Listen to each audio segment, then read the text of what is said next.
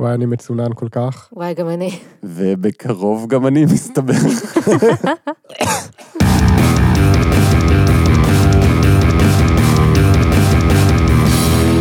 שלום לכולם, אני גל, איתי נמצאים חגי. היי. וליבי. היי. למזק, למה זה קיים? המקום בו אנחנו שואלים את השאלה שהיא השם שלנו, והפעם, תשלובת פיקנטי. זה נשמע טעים. חגי, תשלובת פיקנטי. למה זה קיים? תשלובת פיקנטי הייתה חברת מזון בבעלות משה בדה, שבשנות ה-80 ניסתה לשבור את שוק המזון על ידי ייצור תחליפים גנריים זולים לכל מה שיש בשוק. רגע, אנחנו דיברנו עליו. כן, בפרק של המפלגות שלא עברו את אחוז החסימה. נכון, והוא השתמש בתשדיגים בתור פרסומות לחנות שלו. כן, הוא לקח את תקציב התעמולה, והוא עשה מזה פרסומות לחברה שלו, ואחרי חודש אמרו לו להפסיק. נשמע מוצדק. כן, והוא קיבל 4,000 קולות, שזה ממש לא רע. אז בגדול הוא בעלים של מפעל לייצור מזון, שיש לו גם רשת חנויות, שמוכרת את המזון הזה, וטרול. כן. זה קורות חיים רשימים. יש אנשים שהצליחו להשיג רק שליש מזה. למשל, פעם הוא התארח בתוכנית פופוליטיקה, שהנחה אותה באותו זמן טומי לפיד. אבא של אה, יאיר לפיד. כן. שהיה עיתונאי, ואז הלך לפוליטיקה, והיה מפורסם בעמדה שלו נגד חרדים. כן, אבל לטומי לפיד היה מבטא הונגרי כבד, אוקיי. שזה יהיה רלוונטי עוד מעט. אז אה, כמו שאתם יודעים, פופוליטיקה זו תוכנית עם הרבה אמוציות, שלא לומר שלא נותנים לאנשים לדבר וצורכים עליהם כל הזמן. נשמע כמו תוכנית שקוראים לה פה פוליטיקה. אתה יודע, פעם היה מתורבת, כולם היו מנומסים. בדש ביקש לפני השידור שטומי לפיד ייתן לו לדבר, או שיסתום. אוקיי. אני אוהבת גבר שיודע מה הוא רוצה. כן. בתגובה לזה, אז לפיד נכנס בו עוד יותר בשידור. בדש מספר שהוא לא היה מוכן לזה, ואז בדרך חזרה מההקלטה הוא התקשר לגרפיקאי שלו ואמר, יש לי רעיון. אוקיי. אני רוצה שתדמיינו את טומי לפיד קצת אחר כך. אוקיי. יושב בבוקר, פותח עיתון, פתאום רואה מודעה ענקית עם תמונה של נקניקייה והכיתוב, אם אין אני לי, טומי לי, הנקניקייה ההונגרית השמנה. טומי, הנקניקייה הנושאת את הלפיד. וציור של לפיד. הנקניקייה ההונגרית השמנה. אפשר להגיד על הנקניקייה הזו שהיא אבא של יאיר לפיד. אם אתם מבינים למה אני אם מתכוון. לא יקראו לנקנקייה על שמי במהלך חיי, אני ארגיש שהם היו בזבוז. אני חושב שזה נכון לכולם, אבל כן, אגב, לפיד תבע אותו על זה על מיליון שקל. באמת. כן, ואז בדש תבע אותו בחזרה על מיליון וחצי שקל, בטענה שהביקורת שהוא העביר עליו בפופוליטיקה הייתה לשון הרע בעצמה, וואו. ואז כמובן שזה נגרר שנים בבתי המשפט, בסוף הם הגיעו לפשרה, אף אחד לא ניצח, אתם יודעים.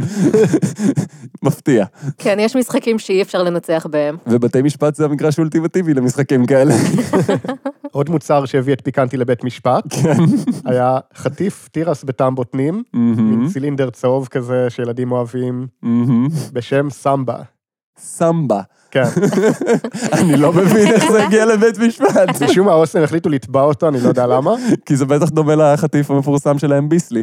כן, כנראה. אבא, אימא, אני לא ידעתי מה זה מתחרז. נשמע כמו צ'יטוס בוטנים אישית, אני לא יודע. למעשה היה לו קמפיין פרסומי שבו הוא כתב, מהו חטיף הבוטנים ששמו אינו גמבה. באמת? כן, זה מילולית הפרסומת. כן, מהו חטיף הבוטנים ששמו אינו גמבה? כן, סמבה. כן, הקמפיינים של פיקנטי הם לא מרומזים באופן מיוחד, שמת לב? כן, הקמפיינים שלהם היו נוהגים לרמוז שאוסם הם נאצים ודברים כאלה, כן. טוב שזאת רמת השיח, שממנה אנחנו אמורים היינו להידרדר לרמת השיח הנוכחית. אני חושב שאם הפודקאסט הזה הוכיח משהו, זה שהאנושות לא הידרדרה, פשוט אנשים לא שמעו על זה קודם. אנחנו פה כדי לתקן את זה. בסופו של דבר בית המשפט הכריח לשנות את השם של החטיף. מפתיע. אמבה? חסמבה? לא, מקרנה. זה שינוי כיוון. כאילו זה שם שכמו הריקוד המקרנה יחיה לנצח. ואכן הם פשטו רגל כמה חודשים אחר כך. זה עדיין יותר טוב מאשר ברד בטעם למבדה. אף אחד לא יודע מה זה טעם למבדה, רק שזה כחול. זה כחול וזה די טעים באופן מפתיע. כן. אז זה היה רק פרק אחד במאבק של פיקנטי נגד אוסם, ושאר החברות של מי שהם מגדירים כקרטל המזון. מה שקרה אחרי כל הסיפור הזה היה שפשוט הם גרמו לזה שהספקים יפסיקו להביא לסופרים של פיקנטי את המוצרים, ואז מה שנשאר זה רק המוצרים של פיקנטי עצמם על המדפים שהיו חצי ריקים, ואז הם פשטו רגל. וואו, זה די קרטלי מצידם כן. בעצם. מה שמדהים זה שהוא לא טועה, היום אנחנו נוהגים לחשוב עליהם ככה. זהו, לא אמרתי שהוא טועה, רק אמרתי שהוא מטריל. בסופו של דבר, אגב, הוא ניסה לתבוע את כל החברות של קרטל המזון בשני מיליארד שקל, וואו. ואז הוא לא הצליח לשלם את אגרת בית המשפט, והוא הפסיד אוטומטית, והוא נאלץ לשלם להם פיצויים. וואו, זה די עצוב. כן, הוא היה צריך לשלם 7,000 שקל לכל אחת מהחברות שהוא ניסה לתבוע. וואו. וואו, זה קפקאי קצת, אני קצת מרחמת עליו. מצד אחד זה באמת עצוב, מצד שני הייתי מצפה שאם אתה מגיש תביעה של 2 מיליארד שקל, תעשה מחקר בסיסי לפני. של כמה אגרות יעלו. כן. אז אם הסיפור של פיקנטי והמאבק שלהם בקרטל המזון מעניין אתכם, תשמחו לדעת שיש לא פחות מ-11 ספרים שנכתבו על הנושא הזה. באמת? כן. כולם נכתבו על ידי מנכ"ל פיקנטי, משה בדש, ויצאו לאור בהוצאה שלו שנקראת עם עובד. עם עובד זה שלו? הוא הבעלים של הוצאת הספרים עם עובד? כן, באלף. עם עובד. כן. מהאנשים שהביאו לכם את חטיף הבוטנים סמבה. ה-11 ספרים האלה שנכתבו ופורסמו על ידי אותו אחד שגם מעורב בזה, זה נשמע כמו עיתונאות אובייקטיבית חוקרת במיטבה. כן, כמו בספר שמתאר את ההסתבכות של פיקנטי עם מס הכנסה, שנקרא העלוקות. שים את כל העובדות על השולחן, תן לאנשים להחליט בעצמם. העובדה היא שהן עלוקות, ואני חף מפשע, וזה. אז זו בעצם הוצאת ספרים שלמה שמתארת בספרים פוליטיים כבדים את כל המאבקים של רשת פיקנטי? לא רק, יש גם ספרי ילדים. אה, וואו, אוקיי. וגם אותם כתב הבעלים של ההוצאה, שהוא גם המנכ"ל של פיקנטי. כן. וגם הם עוסקים במס הכנסה?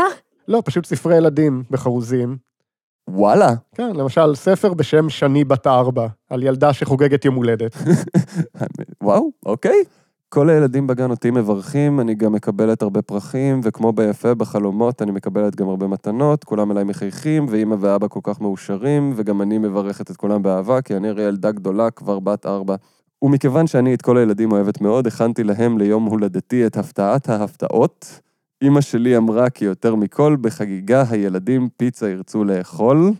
נסענו חיש מהר לבני ברק לרחוב השומר. מקום שם הפיצה של פיקנטי, את השוק שובר. בתוך קרטונים ארזו לנו יפה מאוד את הכל, ובבית אמא אמרה לאבא, תראה יהושע כמה זול.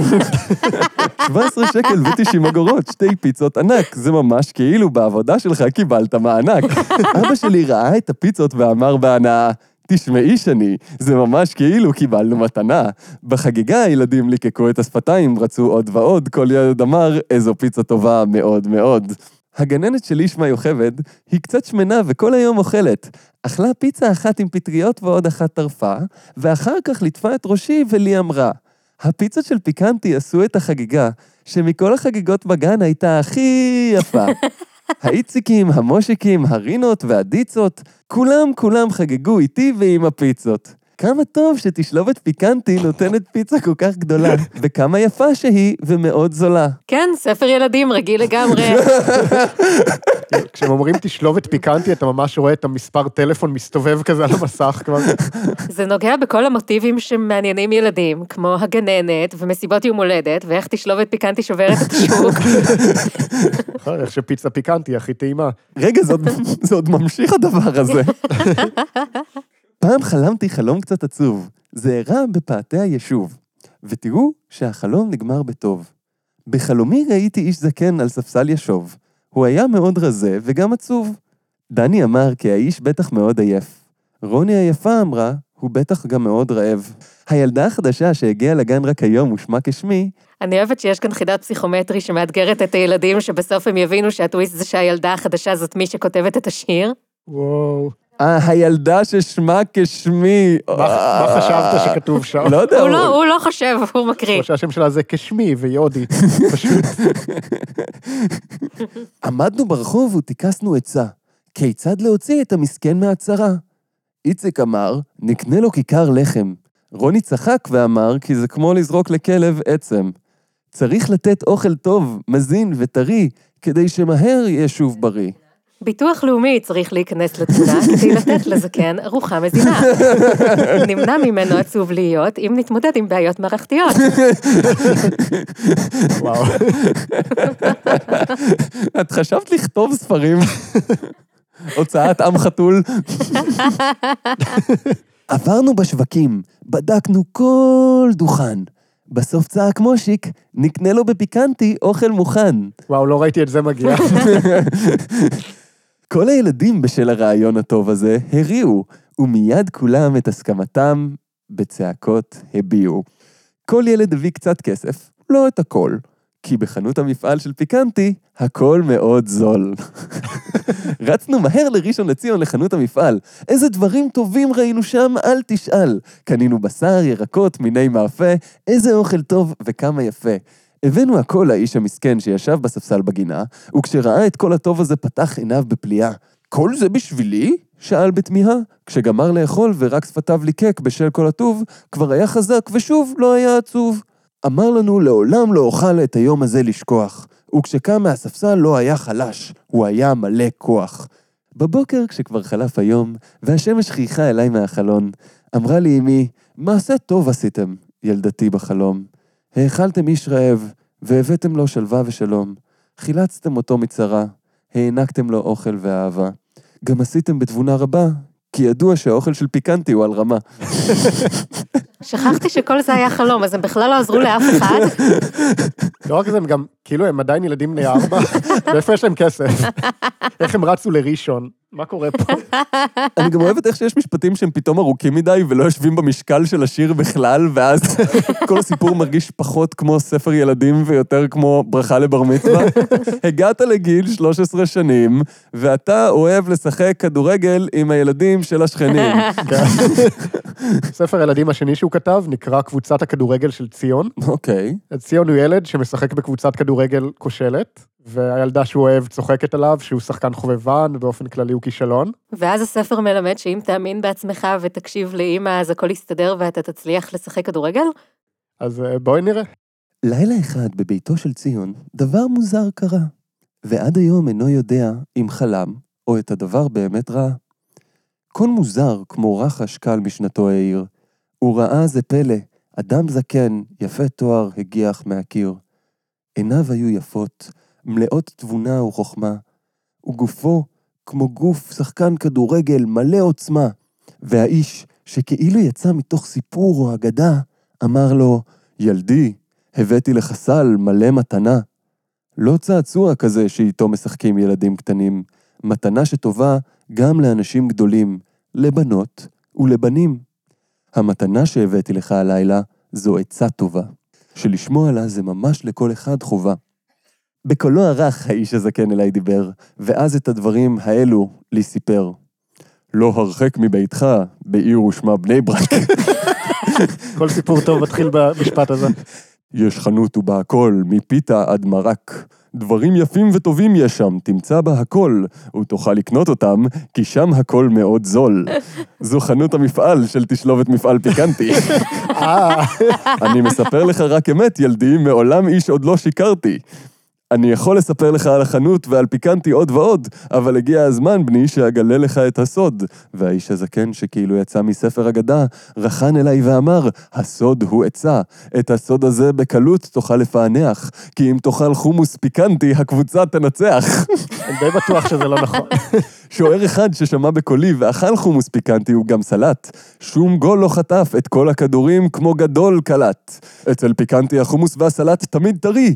אם תאכל אותו על המגרש, תשחק כמו ארי. כל גרם חומוס שתאכל שמע בני שמע, על בטוח גול אחד תתקע.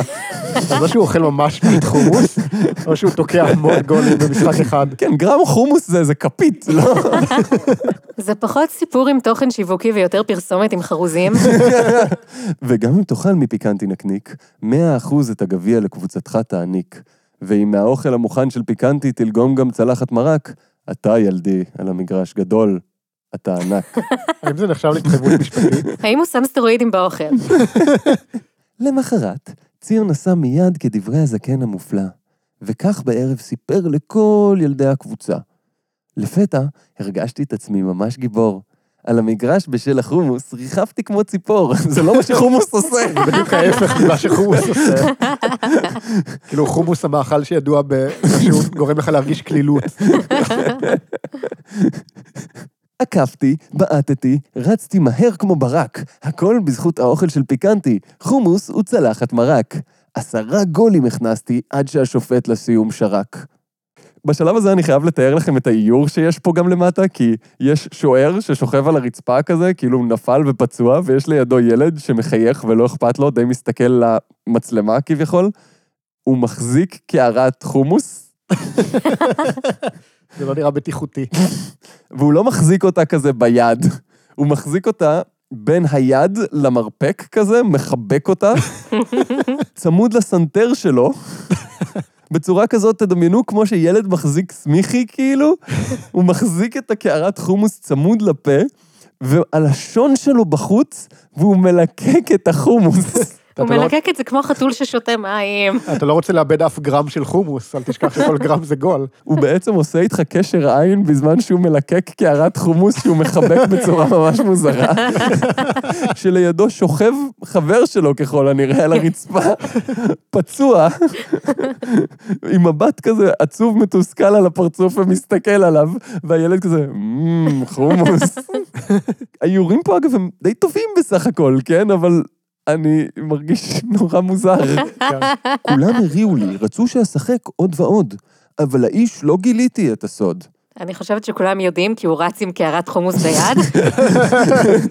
מלקק אותה ומסתכל לעיניים של הקהל, כאשר עין מקריפ. רק אתם ילדים שאת הסיפור הזה עכשיו שומעים, אתם ודאי את הסוד כבר יודעים. המרק והחומוס של תשלובת מפעלי פיקנטי, בזכותם המשחק הזה בניצחון גדול סיימתי. כל הילדים צהלו בשמחה, הו, הו, מה קרה? בזכות פיקנטי השכונה שלנו על המפה. אין שום ילד שלא מבין שזה לא מתחרז. מומחים לקרטוגרפיה יושבים בצד, רואים את המשחק כדורגל ומחליטים, טוב, אני מצייר אותם. יש ועדת מומחים של גוגל מפס, שהם יושבים מחוץ למגרש כדורגל, מסתכלים על הילדים משחקים, אומרים, אוקיי, הקבוצה הזו ניצחה במשחק, הגיע הזמן לשים את השכונה הזאת על המפה סוף סוף. ומאותו יום אימא של ציון ידעה איך לנווט הביתה. בערב, כשציון הגיע לביתו, אמו באהבה ליטפה את ראשו. אתה רואה, ילדי? אמרה. לא צריך להתייאש, אסור לבכות, אבל צריך לדעת איפה את הדברים הטובים אפשר לקנות. אה, תלמד ילדים מהספורטאים המקצוענים, הם לא כל היום מזיעים ומתאמנים. הם יודעים שכדי לנצח במשחקים צריך רק לצרוך את החומרים הנכונים. פרק זה מוגש לכם בחסות תשלובת מפעלי ביקנטי מציגים, חומוס ומרק בטעם LSD, מועשר בחומרים ממריצים. קנו עכשיו וקבלו מארז יוקרתי לחג של מסע בחת MDMA. תשלובת מפעלי ביקנטי, תשלובת המפעלים ששמה אינה גמבה. כאילו אני אוהב את זה שזה מתחיל בתור ילד וההתמודדות שלו עם קשיים וההבנה שלו שמה שהוא צריך לעשות כדי להתגבר על מה שעוצר אותו בחיים זה ללכת לרשת חנויות מזון ולקנות חומוס ומרק. כאילו איזה מוסר השכל מהמם לספר. תראה, בדרך כלל אין בספרי ילדים מוסר השכל עד כדי כך מתוחכם. אבל הוא בדרך כלל גם לא עד כדי כך פרסומת בוטה לרשת חנויות של כותב הספר. טוב, תקשיבו, אם אתם מחפשים ספר עם מסר יותר מתוחכם, נראה לי שאתם צריכים אולי ז'אנר אחר. נגיד מדע בדיוני דיסטופי, כי גם לזה יש למשה בן ספר. זה ספר שמתאר את ישראל הדיסטופית בעתיד הרחוק של שנת 2019. תראה, טכנית נשאר עוד עתיד ב-2019, כן? עוד לא לגמרי סיימנו. כן, הכל עוד יכול להתגשם בדיוק כמו בספר. יש צ'אנס. הספר נכתב ב-1989, והוא מתאר גרסה פיקטיבית של הסיפור שהיה למשה בדש עם מס הכנסה באותו זמן. אוקיי. לפי הספר, בישראל ב-2019, האוכלוסייה של המדינה היא שני מיליון, כל העניים מרוכזים בשכונת עוני ענקית, כל העשירים במין מבצר כזה. אז בעצם חמישה מיליון איש צריכים לעזוב את המדינה, וכל היתר צריכים להתרכז בשכונה, ויש לנו 48 שעות. גו, גו, גו, גו. הכלכלה של ישראל על הקרשים, וחברי הכנסת מנסים למצוא שיתופי פעולה כלכליים שיוכלו גם להציל את המפעלים שקורסים, וגם להכניס כסף לכיס של הממשלה. אנחנו יודעים כבר שזה מדע בדיוני בגלל שחברי הכנסת עושים משהו. למזק עושים סאטירה. יאה. הם עושים דברים, הם אוספים יהלומים, הם מקבלים לייקים. אה, נכון. אחת הדמויות הראשיות בספר היא חבר הכנסת אלחנן יער, אוקיי. שבביקור בבנק הוא שומע שהרבה מהאנשים לא באו לעבודה כי הם חולים בשפעת. אוקיי. במקביל הוא שומע על מפעל טקסטיל שעומד להיסגר. ואז עולה לו רעיון, בואו נעשה חוק שבתקופת החורף כל התושבים של המדינה חייבים ללבוש גאטקס. ככה הם נלחמים בשפעת, מעלים את הפריון של השוק, וגם נציל את המפעל שהולך לקרוס. ואם הם ייתנו לנו שוחד, אז מה רע?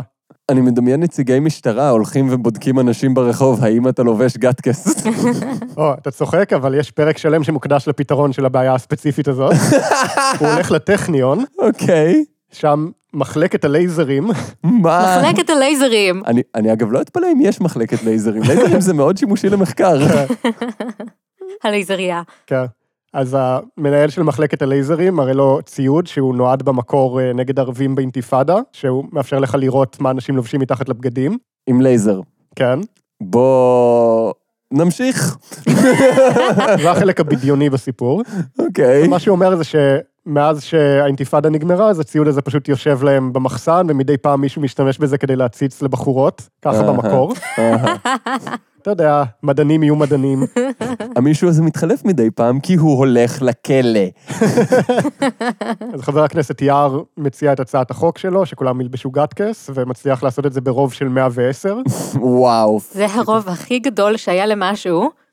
הוא בטח רץ ואסף מלא יהלומים ולייקים במסדרונות של הכנסת. עכשיו אנחנו פוגשים את הדמות הבאה בעלילה המרתקת.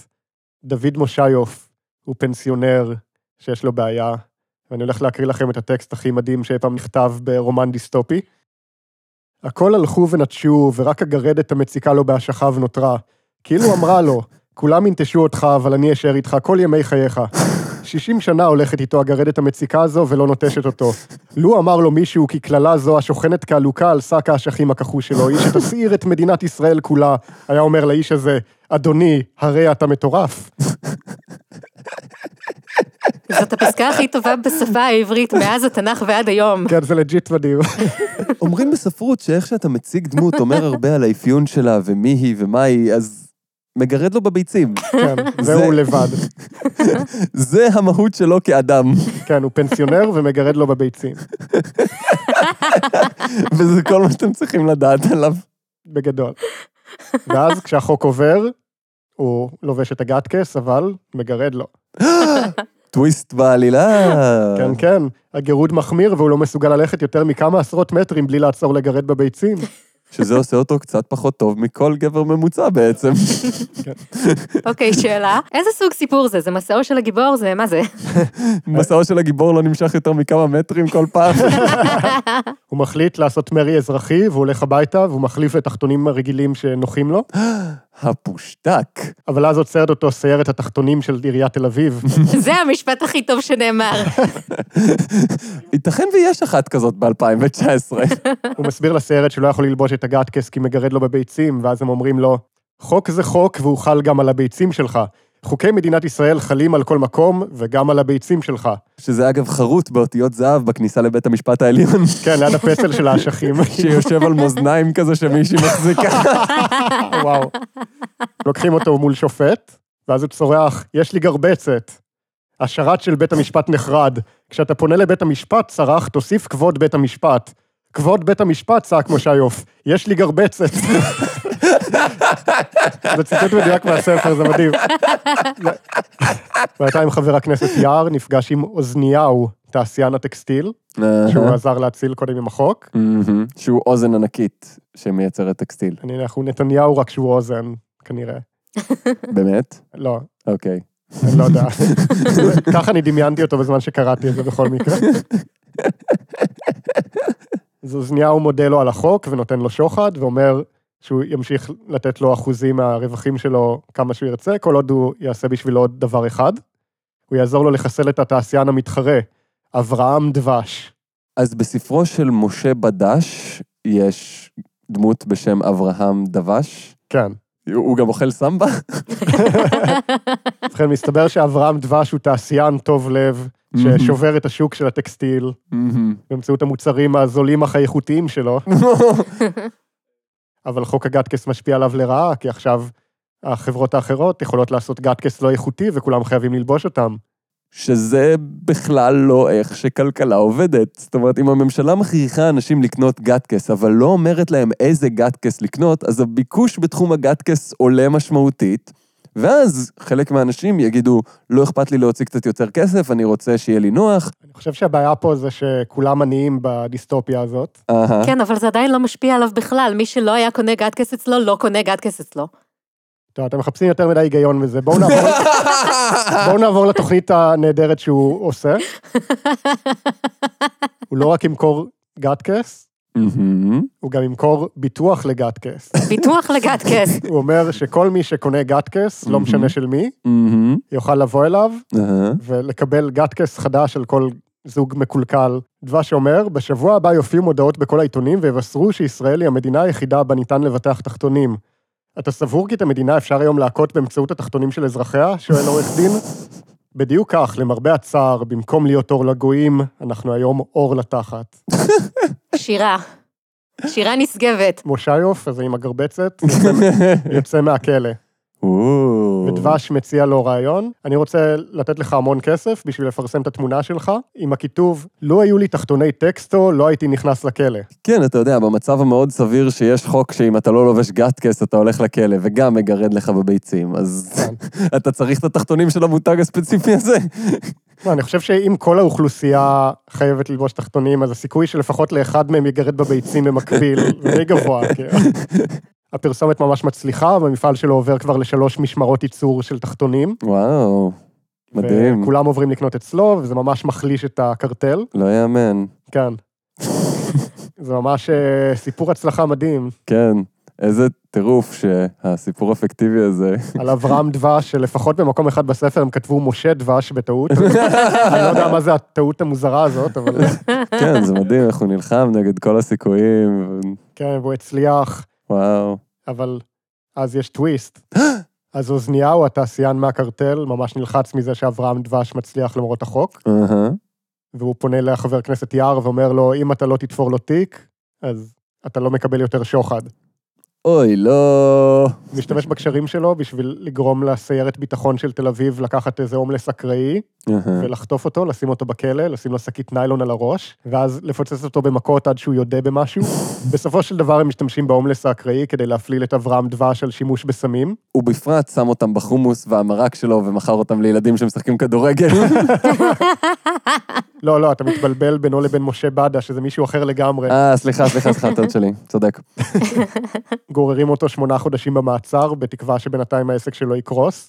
בסופו של דבר, אחרי שמונה חודשים, הוא מגיע לבית משפט, והשופט מצפה שהוא יהיה כבר תשוש וזה, אבל לא, הוא דווקא בא גאה יותר מאי פעם, כי הוא יודע שהאמת איתו. ובית המשפט מוקף באנשים שבאו להגן עליו.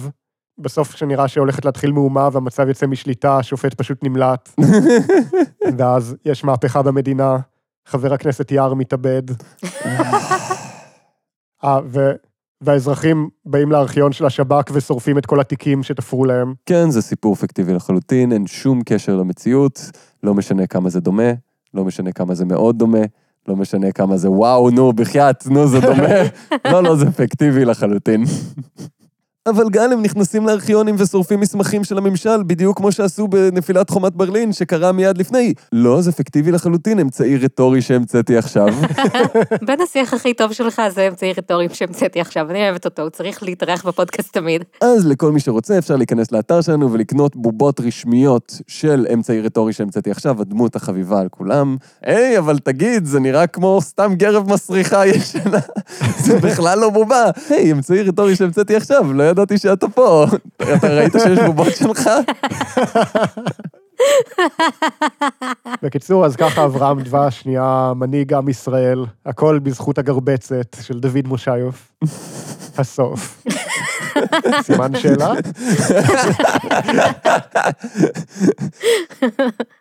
אז, חגי. תשלובת פיקנטי. למה זה קיים? זה כבר לא קיים, הם פשטו רגל. אז זה היה הפרק ה-37 של למזק. תודה רבה לדרור רפופורט ששלח לנו לינק לבלוג שמצאנו בו את סריקות הספרי ילדים. Uh, הבלוג, יש לו שם מאוד קליט, הוא נקרא קרטל אוסם גרם להתמוטטות כלכלית של חברת פיקנטי תעשיות מזון בעם. תחפשו את זה בגוגל, זה בלוג אמיתי. אמ, באופן כללי הם מתעסקים בדברים משעממים כמו שחיתות בצמרת שלטון, ריקבון מוסרי במס הכנסה וספרי ילדים על תשלובת פיקנטי. כמו כן, בספר העלוקות יש הערת זכויות יוצרים שאומרת, חגי, מותר ומומלץ לשכפל, להעתיק, לצלם, להקליט, לתרגם, לאחסן במאגר מידע, לשדר או לקלוט בכל דרך או בכל אמצעי אלקטרוני, אופטי או מכני או אחר, כל חלק שהוא מהחומר בספר זה. אז בקיצור, אנחנו רוצים שתעשו אודיובוק של הספר, כן. ספציפית של הקטע עם הגרבצת. אני אישית לא אשפוט אתכם אם תיקחו את הספר וכזה תשימו את כל הדפים כזה באמבטיה ותסחו בזה ותשתכשכו בזה. אה, זה היה פרק 37 של למזק, בו למדנו שתשלובת מפעלי פיקנטי מציעה אוכל זול וטעים באיכות נהדרת שכל המשפחה יכולה ליהנות ממנו. אז אה, ביי! ביי. ביי.